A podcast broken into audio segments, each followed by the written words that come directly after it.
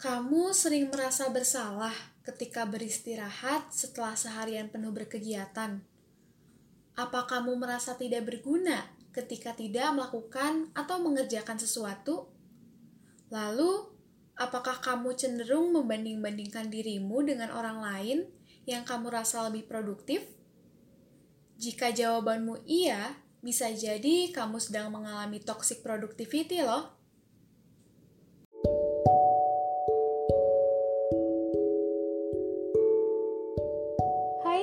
Fams Dengerin podcast sama-sama tahu yuk.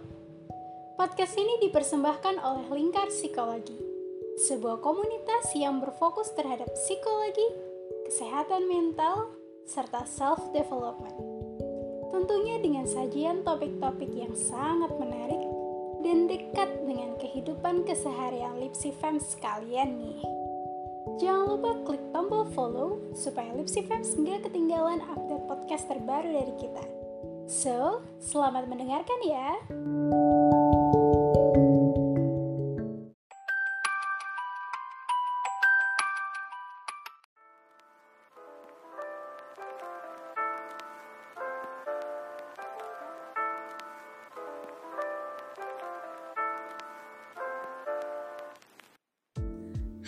Tipsy Fams, kembali lagi sama aku Aliza di podcast Lingkar Psikologi Sama-Sama Tahu. Di tengah pandemi, banyak orang dituntut untuk terus produktif walaupun di rumah aja.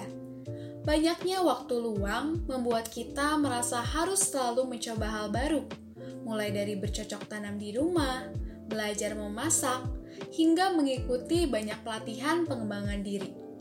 Webinar dan campaign tentang kesehatan mental pun jadi semakin sering kita dengar.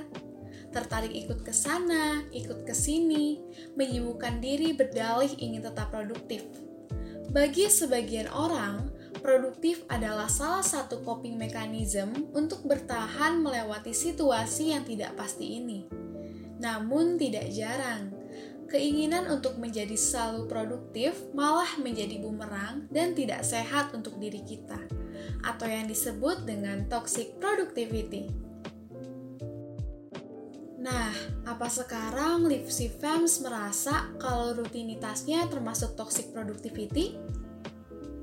Banyak dari kita yang masuk ke pola produktivitas selama pandemi, Padahal kita bisa saja menggunakan waktu luang kita untuk beristirahat, mengisi ulang, dan memulihkan diri. Tetapi banyak dari kita mengisi waktu luang dengan lebih banyak pekerjaan, seperti cara untuk merasa layak, terpenuhi, dan terkendali. Menurut Dr. Julie Smith, seorang psikolog, Toxic productivity adalah sebuah obsesi untuk mengembangkan diri dan merasa selalu bersalah jika tidak bisa melakukan banyak hal.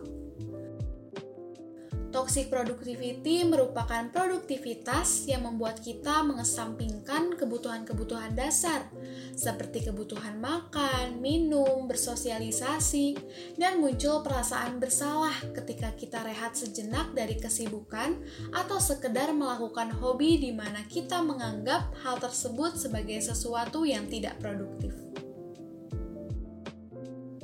Terobsesi untuk produktif, sering merasa bersalah saat berdiam diri, punya ekspektasi yang tidak realistis, tidak pernah puas meskipun sudah memiliki hal yang lebih dari cukup, dan tidak bersahabat dengan kata istirahat adalah ciri-ciri dari toxic productivity loh.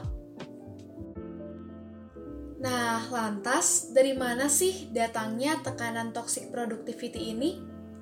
Salah satu sumber tekanan untuk terus produktif biasanya datang dari media sosial. Kita seakan-akan berkompetisi dengan orang lain untuk membagikan kegiatan atau hal yang baru dikerjakan.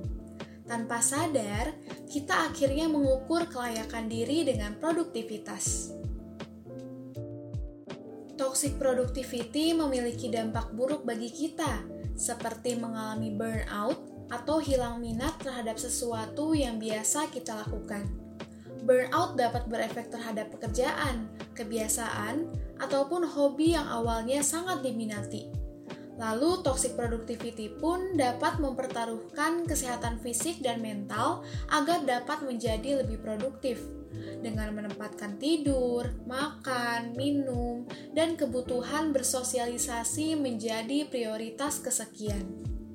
Dan produktivitas beracun ini pun dapat menyebabkan seseorang rentan terkena stres, dan lebih berbahaya lagi ketika seseorang melampiaskan stres tersebut ke kebiasaan-kebiasaan yang dapat memperparah kondisi kesehatan, seperti alkohol, rokok, atau obat-obatan terlarang.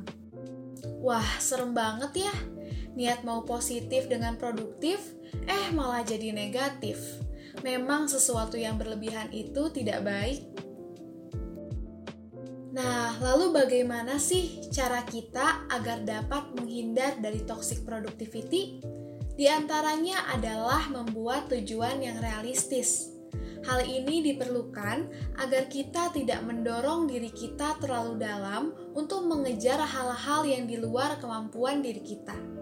Lalu, yang kedua, kita harus menerapkan praktek mindfulness Hal ini membuat diri kita terhubung dengan kejadian yang saat ini terjadi dan meningkatkan ketenangan serta fokus diri kita terhadap suatu hal.